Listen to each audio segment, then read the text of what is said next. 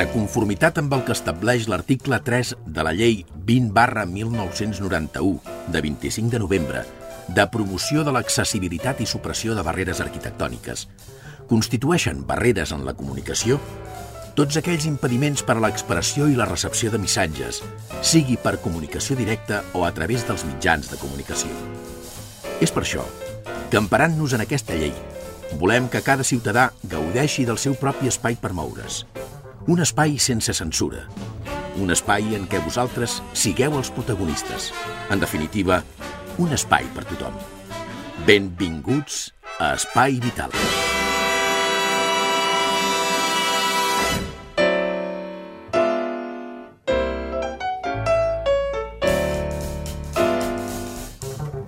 Senyores i senyors, què tal com estan? Bon dia, benvinguts, ben trobats un dia més a un programa més, Espai Vital.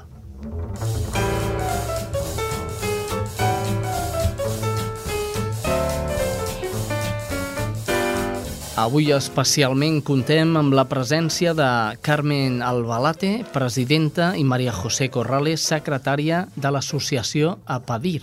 Avui parlarem amb elles i parlarem de l'esplai creat ja pels nois eh, que s'han apuntat per, per l'esplai Apadir. El Jordi Puy, el control tècnic i un servidor. Qui us parla? Xavi Casas. Fins d'aquí una horeta aproximadament.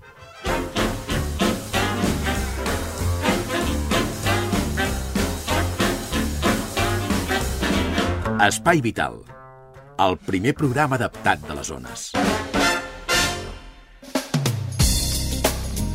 Doncs molt bé, el que els deia, tenim a Carmen Albalate, que és la vicepresidenta d'Apadir. Carmen, bon dia. Hola, bon dia. I tenim també la Maria José Corrales, que és la secretària d'Apadir. Bon, bon dia. Bon dia. Com porteu això de l'associació? Eh, va, ahora, al, comenzamos el día 3 de marzo. Ajá. Y empecemos con siete niños. No, la asociación la empezasteis antes. Sí, la, la asociación llevamos ya un año. Vale, pues por eso yo, yo os preguntaba por la asociación. Un año. Ah, vale, llevamos ¿Cómo lo lleváis? A ¿Cómo ver, lo lleváis? llevamos muy bien, la Sí. verdad que lo llevamos estupendamente. Nos ha costado bastante, pero bueno, ya estamos en marcha. Muy bien. Pero muy bien, muy bien. Y ahora habéis decidido hacer un, un splay. Un splay. ¿Qué es, qué es un splay de Apadir? Un splay es donde todos, a ver, donde los niños de Ripollet que no tienen dónde ir, porque claro, aquí, aquí en Ripollet no tenemos donde los niños con discapacidad puedan tener un espacio para poder, pues bueno, pues jugar o pintar o hacer cosas. Entonces dijimos de crear pues un splay para que los sábados por la mañana estos niños tuvieran un sitio. Igual que otros niños tienen sus splays y pueden salir pues a jugar a fútbol, a hacer cosas, estos niños también pudieran tener un sitio.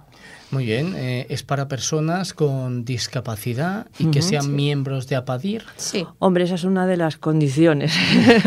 hacerse que sean socios. Eh, ¿Otras personas que no tengan discapacidad pueden venir también a este splay o no? No, porque esto sería solamente para niños con discapacidad.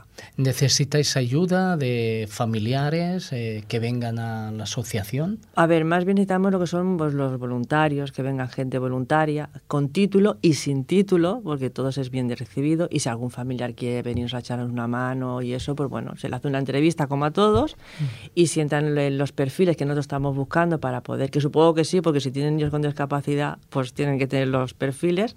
Oye, pues toda ayuda es poca, la verdad. ¿Hay alguna condición que necesite la persona que venga a ayudar a, a Apadir o no? Bueno, ser mayor de 18 años, esa es la primera. Mm. Es tener mucha paciencia y que le guste eh, pues tratar con niños. Muy bien. Eh, eh, la primera acción así notable, porque yo diría que es notable, es la creación de este splay. Eh, ya empezó el pasado 3 de marzo y quiero saber cómo fue. Muy Hom- bien. La verdad que fue estupendamente. Muy bien. Hicimos bastantes cosas, la verdad que sí, todos ya, ya, ya teníamos como un programa hecho de lo que tenían que hacer, íbamos a hacer un, como unos capgrosos, ¿no? Sí. Sí. que ya los tienen montados. Lo que pasa que son niños que no puedes limitarlos a hacer una cosa fija durante mucho rato porque se cansan. Entonces hay que tener varias actividades puestas. No todos los niños pueden hacer la misma- las mismas actividades, hay que buscar actividades alternativas para todos. Entonces, bueno, hicimos cabrosus, luego estuvieron pintando, luego estuvieron haciendo pastelina. Pastelina. Quiero decir que la verdad que fue un día bastante, bastante bueno. Sí. Una, una valoración correcta, Perfecta. correctísima. Yo creo que Un perfecta. 10, yo para mí pongo un 10. Para nosotros fue una ilusión muy grande que teníamos durante un año y hemos estado luchando y por fin hemos podido realizarlo. Muy bien, eh, ¿el futuro qué? ¿Qué, qué os depara? Hombre, que el futuro espero que sea muy bueno porque queremos hacer muchas cosas. Bueno, contarme alguna, a ver si tenéis alguna cosita que podáis explicarme. Hombre, pues a ver, lo que nos gustaría hacer es poder montar, pues bueno, hacer un poco de quinoterapia, hacer piscinas, hacer como extraescolares. Igual que todos Sí. los niños cuando salen del colegio pueden ir a hacer fútbol, lo que te comentaba Sí, antes, sí, fútbol sí. o hacer piscina, pues intentar ya por las tardes algún día más adelante empezar a hacer pues lo mismo, que cuando salgan del colegio pueden hacer pues si quieren hacer piscina o si quieren hacer gimnasia, para no que esos niños salgan del colegio y se vayan para casa. No, que tengan también su espacio de hacer pues gimnasias y cosas, Su splay, su splay. que Sí. se trata de eso. Y hacer salidas con un grupo de, de los padres con los niños, hacer una salida de fines de semana, hacer alguna salida, pues ir al cine, hacer varias actividades. Oye, qué chulo, ¿no? Pues sí, la Ir verdad al que cine sí. y todo. Todo, todo. Bueno, eso tendríamos que hablarlo primero con los del cine. De hecho, hay, un- hay una asociación parecida a la vuestra en San Cugat que llevan a los niños a una discoteca donde hacen sesiones para Sí, ellos. eso Sí, nos lo lo han conocemos. comentado. Sí, sí, es verdad, sí, nos lo han comentado. Lo podríamos mirar más adelante. Sí, y a ver. hacerlo con una... En con- Ripollet. Sí. ¿ah? O aunque tuviéramos que llevarlo a San Aunque tuviéramos Cugat. que llevarlos allá a San Cugat, claro. Hombre, si lo pudiéramos buscar algún sitio que a alguien le gustara esto y nos hiciera un proyecto para poder hacerlo aquí también, oye, pues encantado de la vida, que alguien se brindara. Hombre, en Ripollet muchos locales así, discotecas, no... No hay, No. no, No. hay. Pero, Pero- sí que podíamos hacerlo. Y Pero podía hacer- alguno que tuviera un local grande, que lo pudiera adaptar, Claro. tuviera dinero para poder hacerlo. Y si no, ir a San Jugat. claro. no Y hacerlo sé. también nosotros como a- tipo asociación, hacer pues, los sábados por la tarde, llevarlos.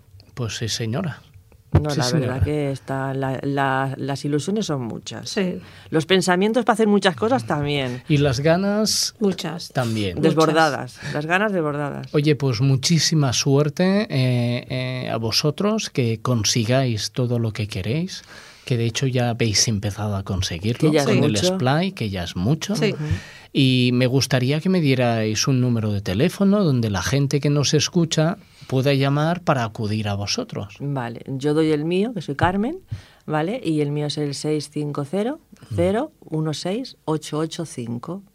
Y se llama Albalate. Eso, que cuesta mucho decir mi apellido.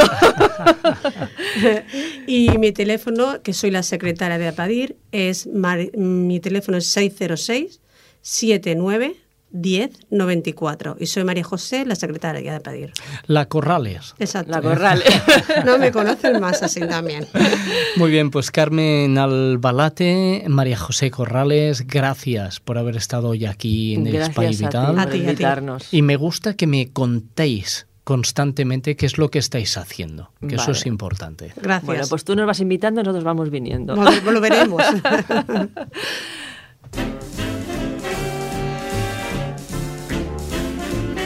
Estàs escoltant Espai Vital.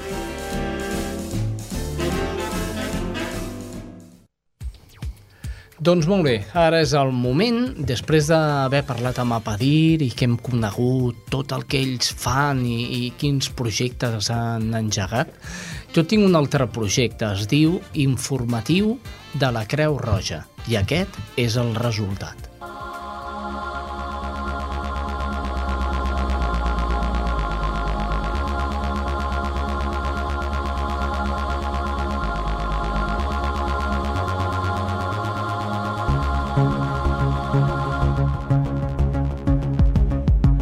Això és l'informatiu de Creu Roja.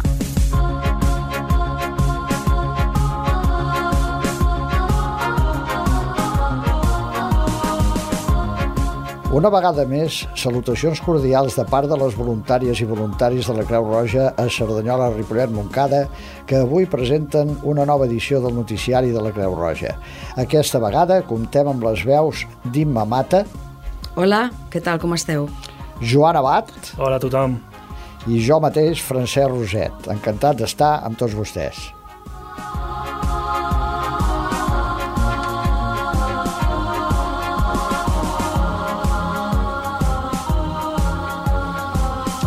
Eh, cada any la Creu Roja eh, intenta participar amb els seus voluntaris i voluntàries en els carnavals.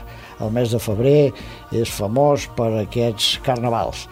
Eh, la Imma Mata eh, té una mica d'informació de la participació dels voluntaris i voluntàries de Creu Roja en aquesta festa. Doncs sí, a veure, la, els carnavals es van fer els dies 18 i 19 de febrer i aleshores llegirem una notícia eh, con una activa participación de Cruz Roja Sardañola Ripollet Moncada en estos carnavales. Como cada año, la Asamblea Comarcal de Creu Roja Sardañola Ripollet Moncada asistió el pasado 18 de febrero a los carnavales de estas localidades con el fin de prestar sus servicios de prevención. En Sardañola, el grupo infantil del Splay de discapacitados intelectuales participaron bajo el tema de Los Roqueros en Sardañola y el grupo de adultos de hippies. Mientras tanto, en Moncada, el grupo de Cancú Splay hace su carnaval bajo el tema de la película Toy Story. En él participaron un total de 15 niños acompañados de sus padres y 10 voluntarios de la Creu Roja Joventut. Tot i que aquests dies estem gaudint d'un clima pràcticament primaveral, aquestes darreres setmanes de febrer han estat especialment difícils per tots aquells que no tenen refugi ni roba suficient per suportar aquestes onades de fred siberià. Aquest temporal ha costat la vida a molts ciutadans i des de Creu Roja us volem fer ressò d'una iniciativa humanitària que hem engegat, on necessitem la col·laboració de tots vosaltres. Imma, tens més informació sobre aquesta campanya, oi? Doncs sí, a l'Assemblea Comarcal de Creu Roja Cerdanyola Ripollet Moncada continuem amb la campanya A l'hivern tampoc ens oblidem de tu, que s'allargarà fins a Setmana Santa i que consisteix en recaptar roba d'hivern, reciclament, mantes, jaquetes, mitjons i guants. L'objectiu d'aquesta campanya és ajudar almenys a un centenar de persones dels tres municipis que viuen en el llindar de la pobresa. Tot i que la resposta de la ciutadania ha estat molt bona, esperem la col·laboració i solidaritat de tota la gent de Cerdanyola, Ripollet i Moncada. Feu ja la vostra donació fent-nos arribar la roba d'hivern a la Creu Roja, a Cerdanyola, Ripollet, Moncada, Avinguda de la Creu Roja 2529 a Cerdanyola, de dilluns a divendres de 9 a 12 i dimarts tot el dia. Els veïns de Moncada i Reixac que hi vulguin col·laborar poden portar la roba al Cursal, al carrer Macià 39, els dilluns i dimecres de 4.30 a 6.30 de la tarda.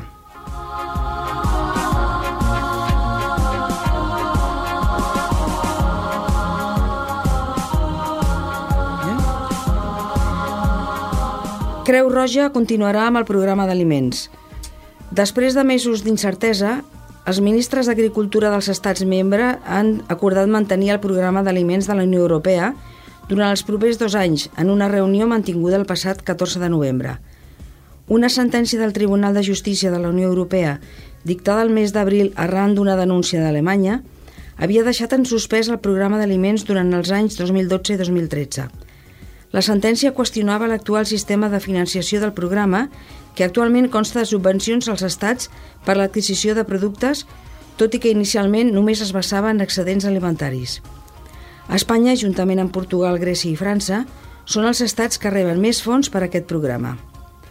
A més de prohibir les subvencions, la sentència qüestionava que el programa d'aliments rebés financiació de la política agrària comú i no de les partides d'assumptes socials però tècnicament aquest canvi d'ubicació del programa en els pressupostos europeus no es pot fer fins al 2014.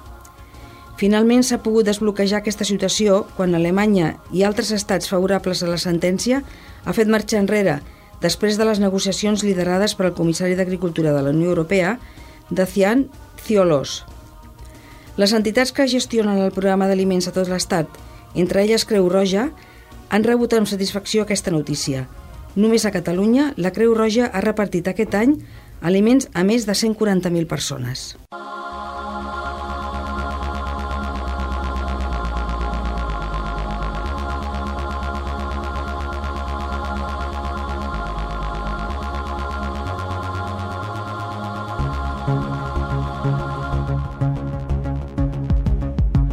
Això és l'informatiu de Creu Roja.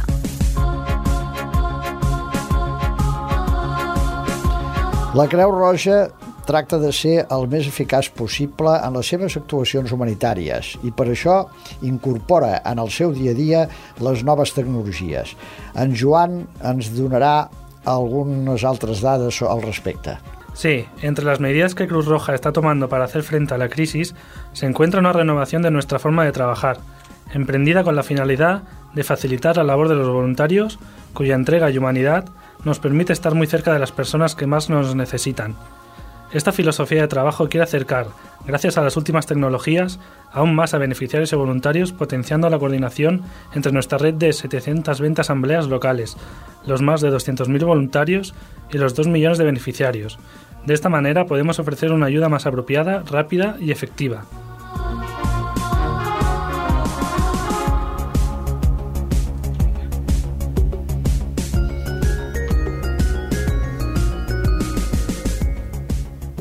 Eh, un dels principals aspectes negatius de la crisi que estem patint és precisament la pèrdua de llocs de treball.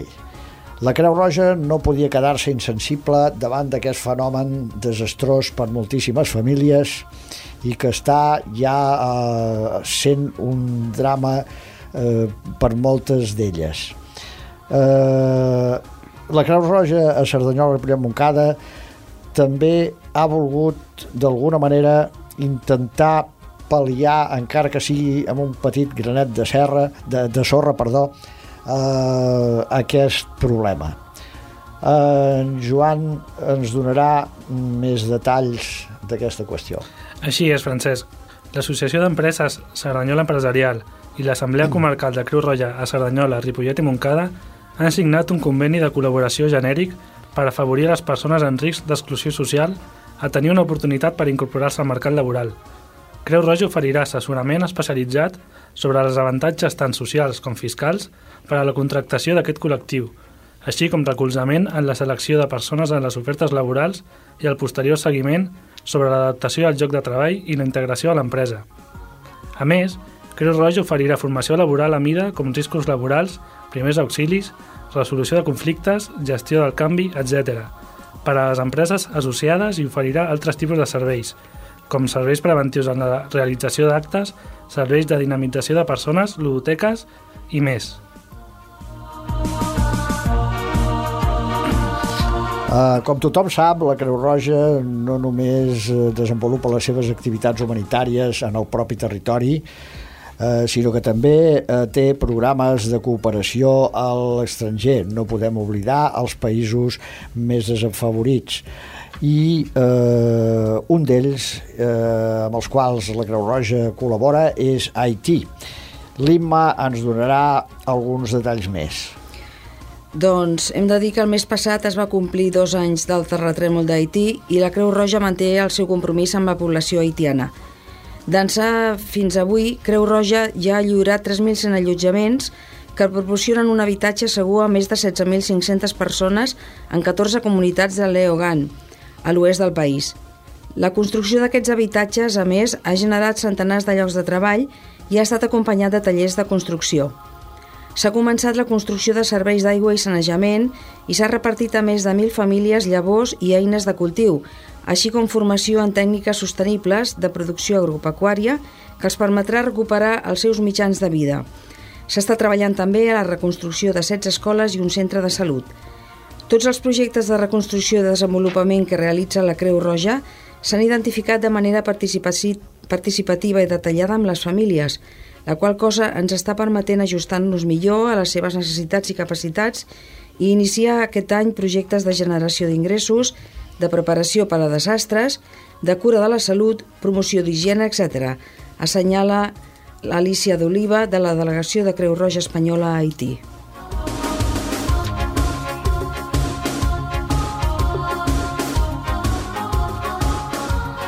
La Creu Roja vol donar resposta als reptes humanitaris que es van plantejant a cada moment. No es vol quedar endarrere i, per tant, té els seus debats interns.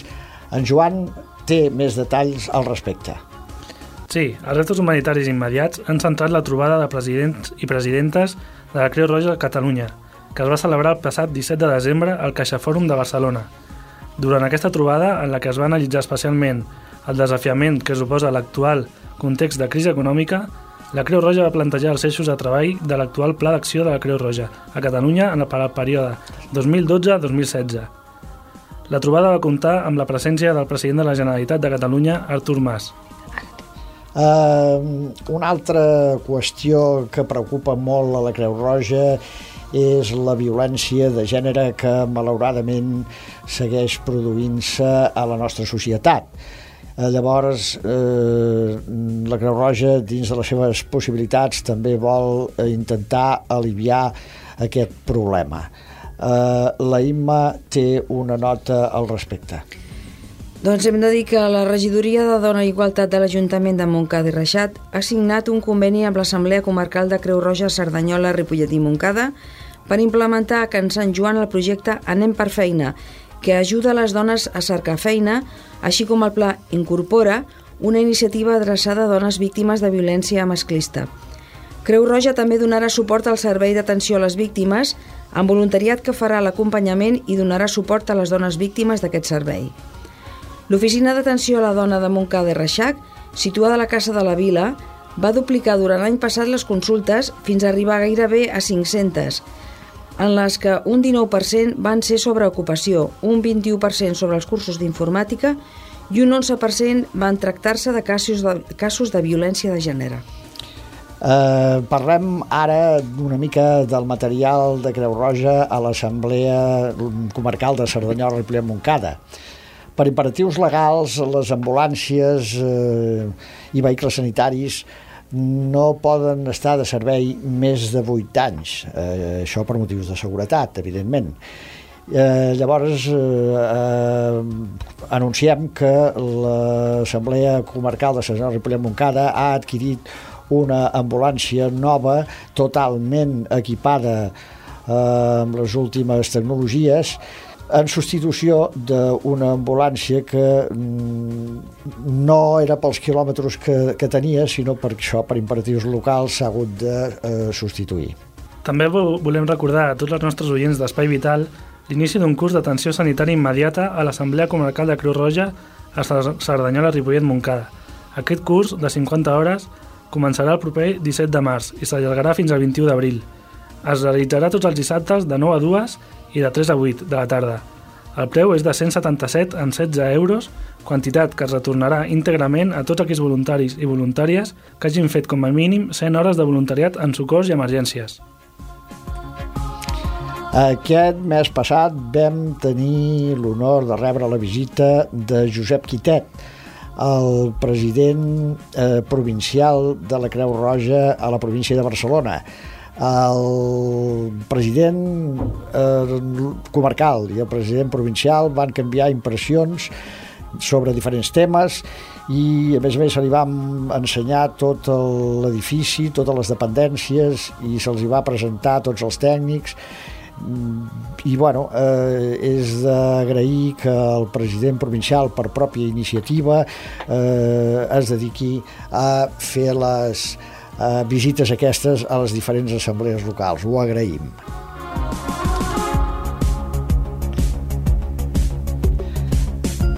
Finalment, voldríem eh, agrair als voluntariat, als socis, a les persones que d'una manera o altra col·laboren amb Creu Roja el fet de que ens donguin suport. D'aquesta manera podem realitzar les activitats que, que fem. Dir també que manquen voluntaris i voluntàries, sempre manquen voluntaris i voluntàries i eh, fem una crida perquè totes aquelles persones que disposin d'algun temps i vulguin dedicar-lo a les persones més desafavorides es dirigeixin a l'Assemblea Comarcal de Cerdanyola i Montcada Eh, també, finalment, voldríem donar gràcies a en Xavier Casas, el comunicador de ràdio eh, Cerdanyola, més ben dit, de Cerdanyola Ràdio, que és el director del programa Espai Vital i que ens cedeix aquest espai. Per últim, eh, volem recordar que si vols formar part del grup de voluntariat de Creu Roja Cerdanyola Ripollet Montcada, ajudant i aportant experiències de la vida, t'esperem a la seu principal, per a més informació pots trucar al telèfon 93 691 6161, visitar-nos a l'Assemblea Comarcal de la Creu Roja de Cerdanyola, Ripollet Montcada, a l'Avinguda de la Creu Roja 2529, a Cerdanyola del Vallès, de dilluns a divendres de 9 a 1 i de 4 a 7, o escriure'ns al mail informació.sardanyola arroba creuroja.org. I recordeu, la Creu Roja cada cop més a prop de les persones.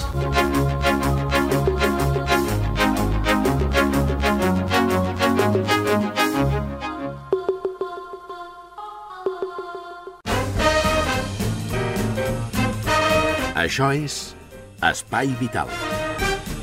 I des de Cerdanyola, Ripollem, Montcada, Barberà, Santa Perpètua i Sabadell. Anem a fer la ronda informativa.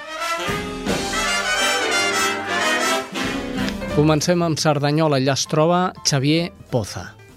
Hola Xavi, dos equips de la nostra ciutat amb els lemes Nunca caminaràs solo i Cerdanyola Solidària participaran en la pròxima edició del Trail Walker, una iniciativa de l'ONG Intermón Oxfam que combina esport i solidaritat i un projecte de construcció de pous a Etiòpia. Eh, El Trail Walker està considerat un dels més grans desafiaments esportius per equips del món per lluitar contra la pobresa. El desafiament consisteix a recórrer a peu 100 quilòmetres en un màxim de 32 hores amb equips de 4 persones. Els membres de l'equip han de començar junts, mantenir-se junts i acabar junts. Els equips estan formats per aquests quatre corredors, però també amb un grup de suport que s'encarrega de totes les tasques logístiques, d'alimentació o d'atendre problemes físics, entre d'altres. L'objectiu és lluitar contra la pobresa i la injustícia i per això els equips es comprometen a aconseguir donatius per Intermón Oxfam i cada aportació millora vides. La cursa es farà els dies 5 i 6 de maig i consistirà en una travessa de 100 quilòmetres per l'antic traçat ferroviari recuperat per al lleure i l'esport que uneix les poblacions d'Olot i Sant Feliu de Gríxols, la via verda entre Olot i Sant Feliu. Passa per 8 punts de control. Prèviament, però, l'equip haurà d'haver reunit 1.500 euros de donacions solidàries per poder participar. El Trail Walker és una prova d'exercici i convivència, però sobretot una oportunitat de participar en un projecte solidari en una zona d'Etiòpia especialment afectada per l'escassetat d'aigua. Els equips destaquen la necessitat de construir pous en una zona on aconseguir aigua suposa el desplaçament de moltes hores per acabar recollint eh, moltes vegades aigua en mal estat eh, i que és transmissora de malalties. Això és tot. Fins la setmana vinent. Gràcies, Xavi Poza. Des de Cerdanyola anem a Ripollet. Rem Herrera. Salutacions des de Ripollet Ràdio. L'Ajuntament de Ripollet ha aclarit aquesta setmana alguns rumors sobre el compliment de la llei de protecció animal. Així, la Regidoria de Salut Pública ha emès una nota de premsa on assegura que, tenint en compte la situació econòmica actual i l'increment en el nombre de recollides, s'ha prioritzat la recollida d'aquells animals ferits o potencialment perillosos. Segons dades de la Regidoria de Salut, durant el 2011 es van recollir 54 animals a la via pública, la qual cosa suposa un increment del 42% respecte a l'any anterior. Salut Pública també ha informat que el 27 de novembre de 2009 l'Ajuntament va signar un contracte encara vigent amb la Fundació Daina per a la defensa dels animals i la natura per dur terme la recollida i acollida de gossos i gats perduts i abandonats trobats al municipi. Segons aquest contracte, la recollida d'un gos té un cost mig de 400 euros i la d'un gat de 200.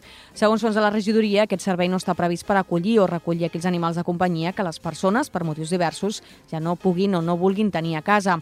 Així, des del Departament de Salut Pública es vol fer especial esment que en aquells casos és la persona propietària qui ha assumit la seva responsabilitat i dins els límits marcats per la llei derivi l'animal al lloc més adequat fent-se càrrec dels costos íntegres que se'n puguin derivar. I això és tot per aquesta setmana. Fins la setmana vinent. Gràcies, Rem Herrera, des de Ripollet Ràdio i ara anem cap a Montcada Ràdio. Allà es troba la Sílvia Díaz. Hola, salutacions des de Montcada, l'Espai Vital, el Centre de Recursos Pedagògics del Vallès Occidental Sud, que ofereix servei a Montcada, Ripollet i Santa Perpètua de Mogoda, van organitzar el 7 de març una trobada pedagògica sobre l'escola inclusiva i, entre altres temes, es va parlar sobre la integració dels infants discapacitats a l'escola ordinària. La jornada va reunir prop d'un centenar de persones de diferents escoles de la demarcació. El programa va incloure una conferència a càrrec de Climent Giner, professor de la Facultat de Psicologia, Ciències de l'Educació i d'Esports de la Universitat Blanquerna Ramon Llull, a més d'una ponència de Gent Malsina del Servei d'Atenció a la Diversitat i la Inclusió de la Direcció General d'Educació Infantil i Primària del Departament d'Ensenyament de la Generalitat. Giner va exposar els aspectes relacionats amb l'escola inclusiva, com ara les pràctiques que es mostren més favorables per promoure-la, la funció dels mestres, algunes estratègies per ajudar els equips educatius i les condicions de l'escola, factors que contribueixen a que els infants aprenguin i es desenvolupin en un context harmònic al centre educatiu. Per la seva banda, el CINA de la Generalitat va parlar del repte de fer una escola on tothom pugui aprendre i va fer una repassada al conjunt d'elements que existeixen en l'actualitat perquè tot i els temps difícils es continuï fent de l'escola el primer espai social on els infants i els joves s'arrelin a la cultura i aprenguin a fer-se grans. Doncs bé, això és tot. Fins la setmana vinent. Gràcies, Sílvia Díaz, Montcada Ràdio. Anem cap a Ràdio Barberà. Allà es troba Judit González. Salutacions de Ràdio Barberà. El passat diumenge 4 de març, la Torre d'Angors de Barberà del Vallès va acollir un nou taller adreçat a famílies amb infants amb càncer o nens i nenes que tenen algun familiar directe amb la malaltia. El taller amb activitats que afavoreixen l'expressió dels sentiments i emocions a través de la creativitat i el moviment corporal ha estat organitzat per l'Associació Corazón de León. Mitjançant senzills i divertits exercicis es va estimular la creativitat i es va millorar la comunicació i l'autoestima aprenent a cuidar-se i valorar-se. L'activitat, que consta de jocs, exercicis de respiració i art teràpia, va estar dirigida per la psicòloga infantil Gala Llobet i la terapeuta en el arte de vivir, Sònia Campos. Fins la setmana vinent. Gràcies, Judit González. I de Barberà anem eh, per últim ja a Ràdio Sabadell. Allà es troba la Karen Madrid. Salutacions des de Sabadell. Avui us parlem d'un projecte que es va posar sobre la taula fa sis anys i que suposa convertir la ciutat en un referent en la investigació de l'àmbit sanitari. Es tracta del Parc de Salut. Tot i que no té edifici propi, perquè havia de tenir la seva seu a l'antiga caserna de la Guàrdia Civil i el projecte va quedar aturat per una qüestió política, el Parc de Salut funciona a ple rendiment. De fet, lidera diversos projectes com l'Observatori de Salut Mental de Catalunya i la xarxa d'investigació en salut, la XISCAT, en la qual s'han adherit una desena d'hospitals catalans.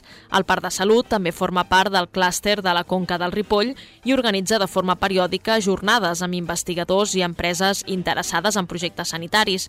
La llista de projectes del Parc de Salut, doncs, no para de créixer i els seus responsables ja estan estudiant la manera de disposar d'un edifici propi a mig per aixoplugar-los a tots. És tot des de Sabadell.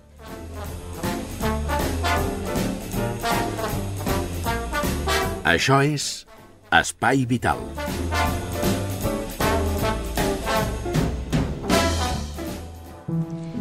Mandile es de Zimbabue, tiene 15 años y es seropositivo. Ecedín es de Etiopía, tiene calazar. Sufre malaria. Tuberculosis. Mal de Chagas. El diagnóstico es complejo. Es una enfermedad que sin tratamiento es mortal. Sin embargo, su precio es alto para alguien sin recursos. El problema es muy simple. Sin acceso al tratamiento, no hay cura. A tu salud, Negash. A tu salud, Isaka. Si te duele que miles de personas no tengan medicinas para curarse, compra en tu farmacia las pastillas contra el dolor ajeno. Cada euro se destinará a tratar enfermos olvidados. Pastillas contra el dolor ajeno. Tú te las tomas, otros se curan. A tu salud, Ereni. Ja hem arribat una mica més enllà del meridià del programa i ara és moment d'escoltar Alta Sensibilitat. Eh, un llibre d'Isabel Palomeque portada a ràdio a través de la veu de Maria López. Mm, sense més preàmbuls, anem-la a escoltar. A continuación, les ofrecemos Alta Sensibilidad, un libro sobre el ictus.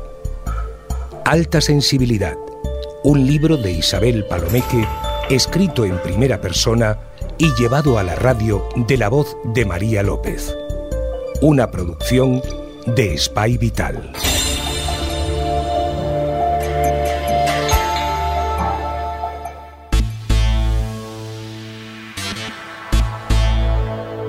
Durante el mes que pasé ingresada en el Valle de Bron, mis amigos encontraron una forma de hacerme pasar el rato y estimular mis malogradas neuronas, jugar a la oca y al cuatro en raya.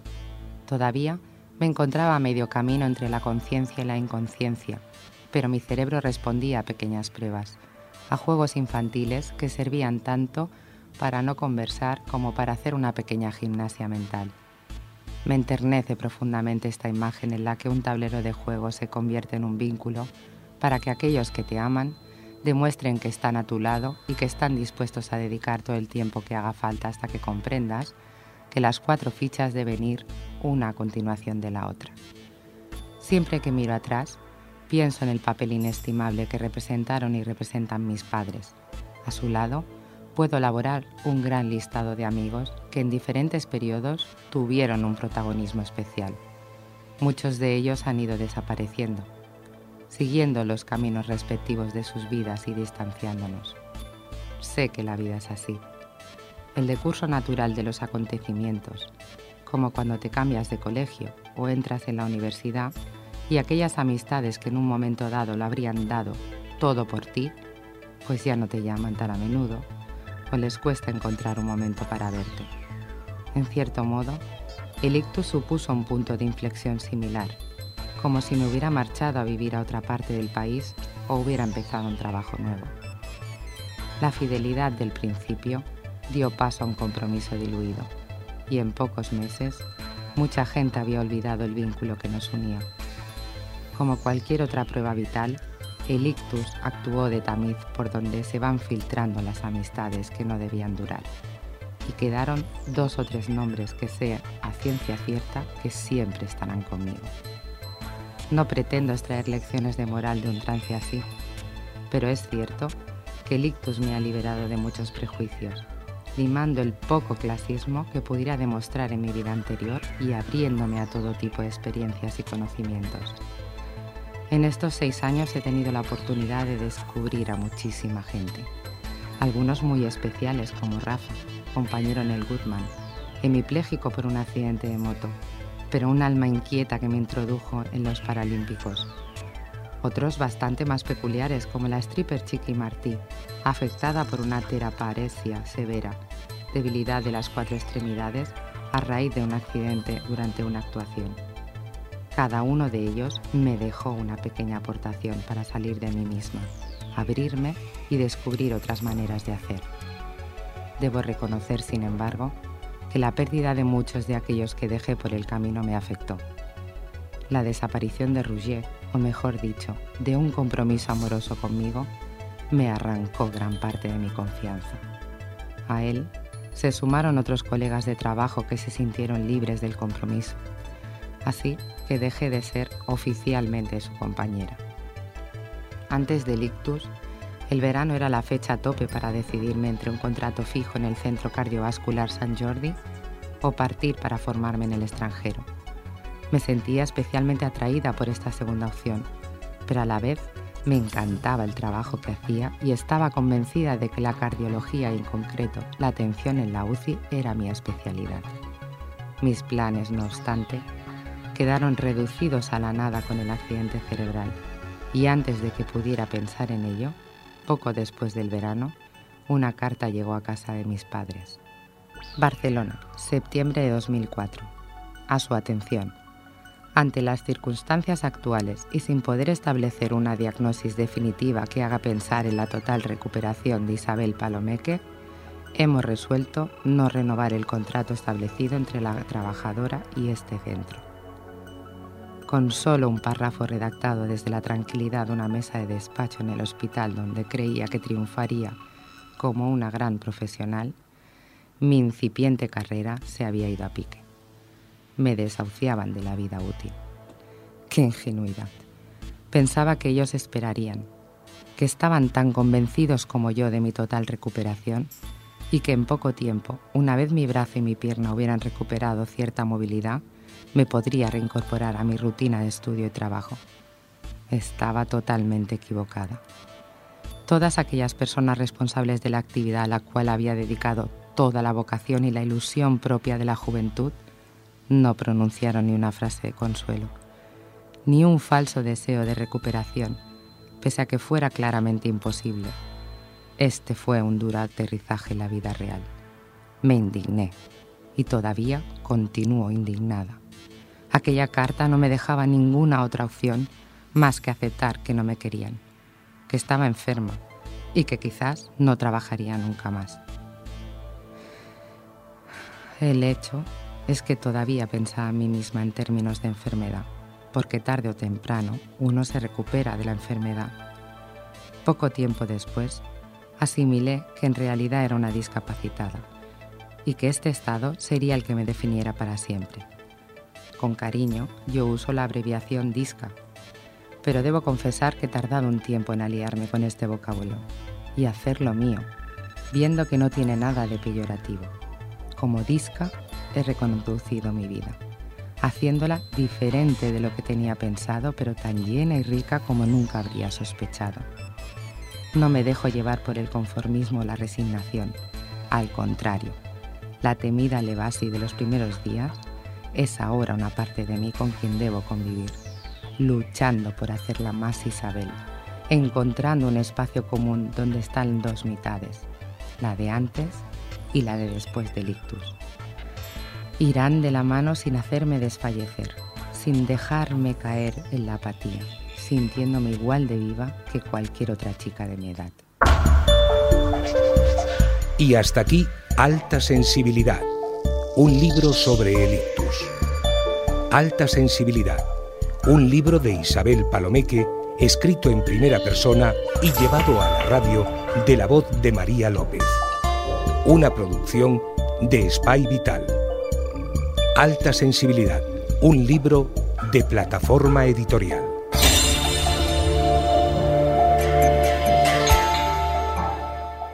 Què passaria si mengessis només una vegada? Que al cap de poques hores començaries a sentir fatiga i mareig. Després et baixaria la pressió i la temperatura corporal. Et sentiries molt feble i perdries el coneixement. Què passa si dones sang només una vegada? Que al cap de pocs dies ens comencen a faltar glòbuls vermells. Després baixen les nostres reserves per fer transfusions. Tot seguit comencem a trobar que ens manquen plaquetes. Així no podem ajudar els malalts de càncer, ni podem atendre emergències. Necessitem que tornis a donar sang, com tu necessites tornar a menjar. Amb una vegada no n'hi ha prou. Vine a donar. Banc de sang. Cada 5 segons algú es queda sec al món. Cada minut, un nen. El 75% d'aquesta ceguesa es pot prevenir o curar. La Fundació Ulls del Món lluita contra la ceguesa evitable en territoris sense recursos. Ajuda'ns a fer arribar a més ulls el dret a la visió. Ulls del Món. La passió d'Esparreguera. Deixeu que el dolç batec pugui escoltar del vostre cor dolcíssim. Un espectacle popular de magnituds èpiques únic a Europa. El meu cor us anuncia que abans de ser traïdor, tots morirem. 5 hores de teatre. M'arrenquen del cor una vida. 300 actors. Teniu el cor podrit per l'ambició. Orquestra i cor en directe. El cor del vostre mestre està sagnant. Un auditori per a 1.700 espectadors. I fiblen el meu cor milers de glavis. I l'emoció d'una història universal. M'ho diu el cor, Jesús. Ha triomfat sobre la mort. Cada diumenge des del 4 de març fins l'1 de maig i el dissabte 14 d'abril. Venda d'entrades les 24 hores del dia a l'entrada de Catalunya Caixa o a les taquilles del teatre trucant al telèfon 93 777 1587. Esparreguera, terra de passions.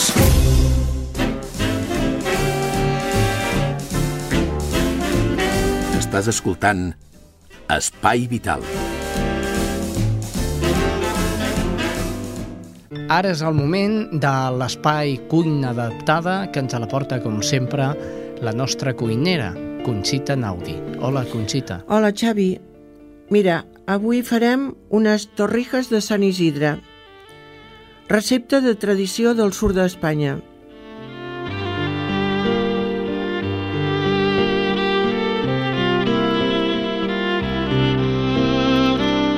Els ingredients, preneu nota, són per quatre persones. Un quart de litre de llet, 200 grams d'oli d'oliva, 200 grams de mel, 50 grams de sucre, dos ous i 300 grams de pa de motlla, sense crosta.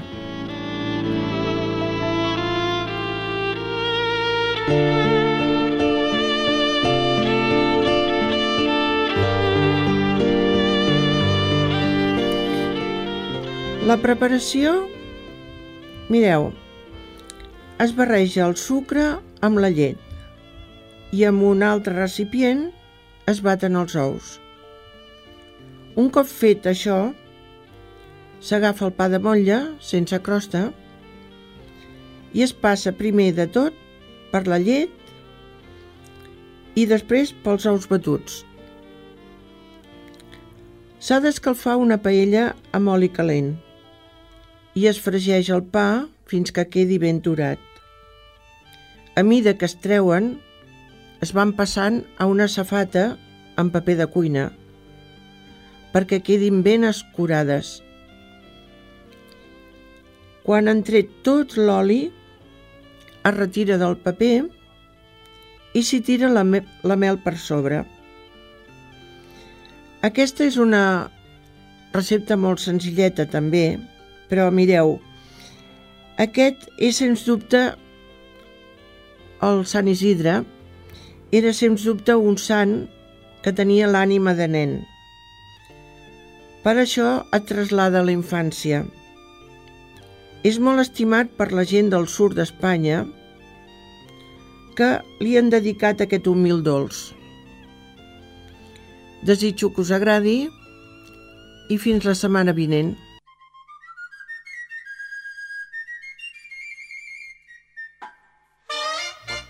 Molt bé, doncs fins aquí l'espai vital d'avui. Eh, hem estat el Jordi Puy al control tècnic i un servidor, el Xavi Casas. La setmana vinent tornem. Ja sé que és molt a prop el meu final sé que m'espera ja ho sé però no tinc por per mi serà una altra frontera jugant tot ho he perdut no es pot pas dir que he estat exemple i visc com he volgut com he fet sempre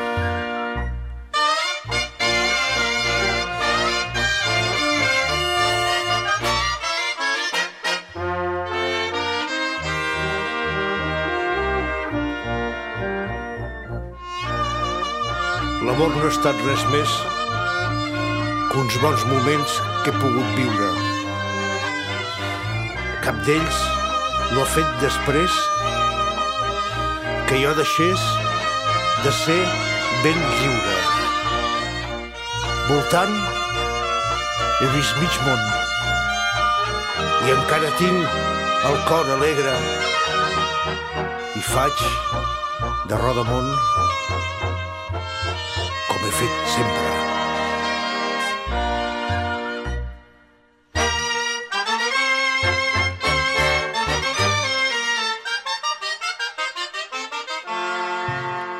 Si és que he sofert, si és que he plorat, no ha estat per res, ni me n'he adonat. Només he après a ser feliç i si avui un dia gris a mi no em plau el faré blau com he fet sempre